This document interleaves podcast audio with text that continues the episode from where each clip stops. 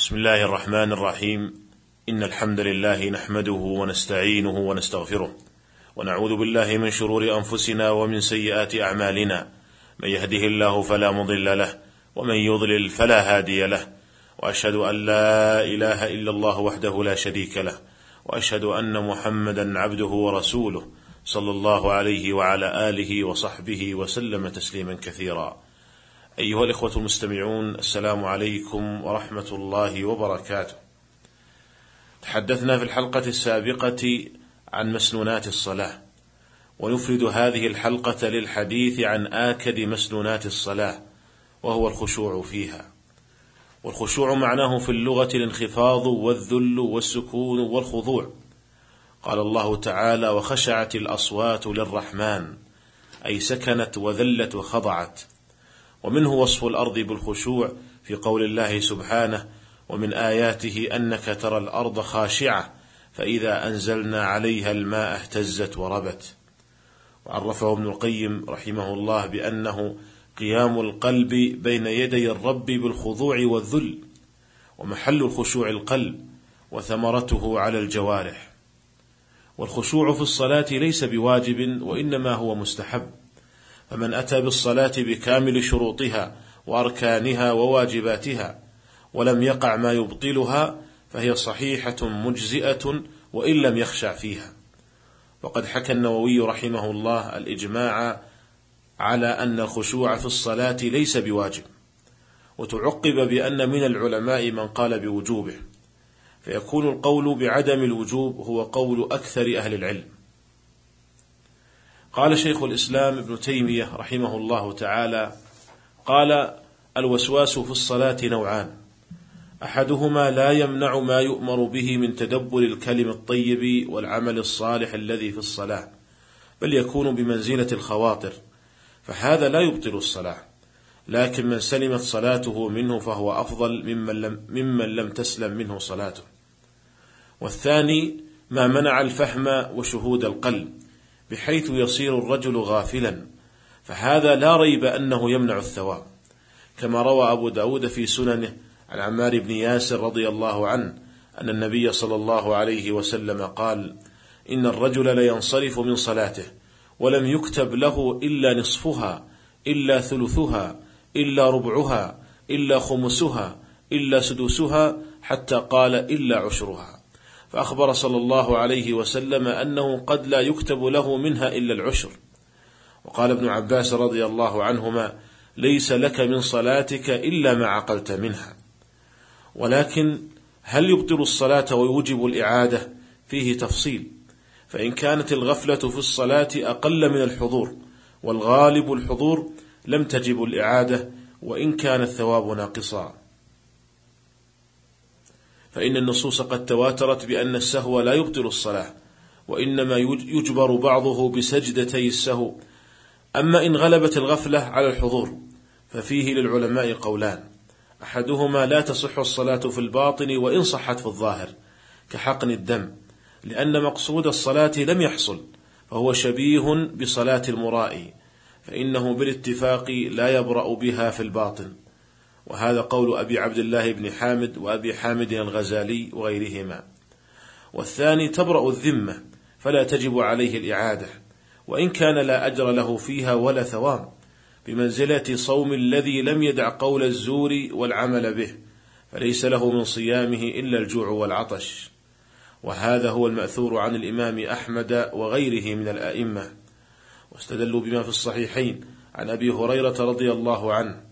أن النبي صلى الله عليه وسلم قال: إذا أذن المؤذن بالصلاة أدبر الشيطان وله ضراط حتى لا يسمع التأذين، فإذا قضي التأذين أقبل، فإذا ثوب بالصلاة أدبر، فإذا قضي التثويب أقبل، حتى يخطر بين المرء ونفسه، يقول أذكر كذا أذكر كذا ما لم يكن يذكر، حتى يظل لا يدري كم صلى، فإذا وجد أحدكم ذلك فليسجد سجدتين. فقد أخبر النبي صلى الله عليه وسلم أن الشيطان يذكره بأمور حتى لا يدري كم صلى وأمره بسجدتين للسهو ولم يأمره بالإعادة ولم يفرق بين القليل والكثير. قال شيخ الإسلام رحمه الله وهذا القول أشبه وأعدل فإن النصوص والآثار إنما دلت على أن الأجر والثواب مشروط بالحضور ولا تدل على وجوب الإعادة لا باطنا ولا ظاهرا. انتهى كلام شيخ الإسلام ابن تيمية رحمه الله تعالى. والحاصل أيها الإخوة أن الصلاة إذا وقعت مكتملة الأركان والشروط والواجبات فإنها تقع مجزئة تبرأ بها الذمة. لكن ليس للإنسان من أجل صلاته إلا بمقدار ما عقل منها. أيها الإخوة المستمعون الخشوع في الصلاة هو روح الصلاة وهو لبها وهو المقصود الأعظم منها وصلاة بلا خشوع كجسد بلا روح.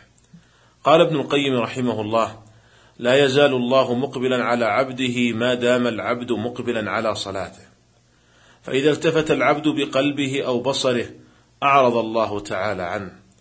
وقد سئل النبي صلى الله عليه وسلم عن التفات الرجل في صلاته فقال هو اختلاس يختلسه الشيطان من صلاة العبد. قال ومثل من يلتفت في صلاته ببصره أو بقلبه مثل رجل قد استدعاه السلطان فأوقفه بين يديه وأقبل يناديه ويخاطبه وهو في خلال ذلك يلتفت عن السلطان يمينا وشمالا وقد انصرف قلبه عن السلطان فلا يفهم ما يخاطبه به. لأن قلبه ليس حاضرا معه. فما ظن هذا الرجل أن يفعل به السلطان؟ أفليس أقل المراتب في حقه أن ينصرف من بين يديه ممقوتا مبعدا قد سقط من عينيه؟ فهذا المصلي لا يستوي والحاضر القلب المقبل على الله تعالى في صلاته. الذي قد أشعر قلبه عظمة من هو واقف بين يديه فامتلأ قلبه من هيبته. وذلت عنقه له واستحيا من ربه تعالى أن يقبل على غيره أو يلتفت عنه. وبين صلاتيهما كما قال حسان بن عطية إن الرجلين ليكونان في الصلاة الواحدة وإنما بينهما في الفضل كما بين السماء والأرض. وذلك أن أحدهما مقبل على الله عز وجل والآخر ساه غافل. فإذا أقبل العبد على مخلوق مثله بينه وبينه حجاب لم يكن إقبالا ولا تقريبا فما الظن بالخالق عز وجل؟ وإذا أقبل على الخالق عز وجل وبينه وبينه حجاب الشهوات والوساوس والنفس مشغوفة بها ملأى منها فكيف يكون ذلك اقبالا؟ وقد ألهته الوساوس والأفكار وذهبت به كل مذهب. قال رحمه الله والعبد إذا قام في الصلاة غار منه الشيطان فإنه قد قام في أعظم مقام وأقربه وأغيظه للشيطان وأشده عليه فهو يحرص ويجتهد ألا يقيمه فيه بل لا يزال به يعده ويمنيه وينسيه ويجلب عليه بخيله ورجله حتى يهون عليه شأن الصلاة فيتهاون بها فيتركها. فإن عجز عن ذلك وعصاه العبد وقام في ذلك المقام. أقبل عدو الله تعالى الشيطان حتى يخطر بينه وبين نفسه ويحول بينه وبين قلبه فيذكره في الصلاة ما لم يكن يذكر قبل دخوله فيها حتى ربما كان قد نسي الشيء والحاجة وأيس منها فيذكره إياها في الصلاة ليشغل قلبه بها ويأخذه عن الله عز وجل.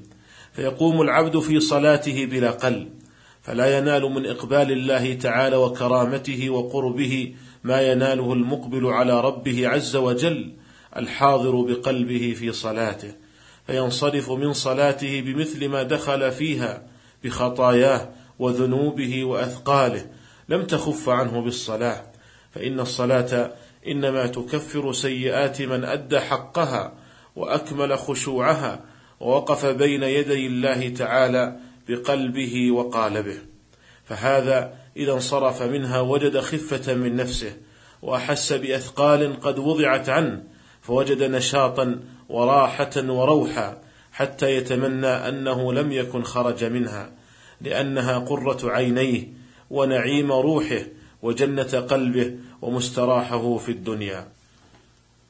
أخي المستمع، إذا قمت إلى الصلاة فتذكر قول الله تعالى قد أفلح المؤمنون الذين هم في صلاتهم خاشعون وجاهد نفسك على الخشوع فيها حتى تنال الفلاح الذي ذكره الله تعالى في هذه الآية. أسأل الله تعالى أن يجعلنا من المؤمنين الذين هم في صلاتهم خاشعون وأن يوفقنا لصالح القول والعمل. والسلام عليكم ورحمة الله وبركاته.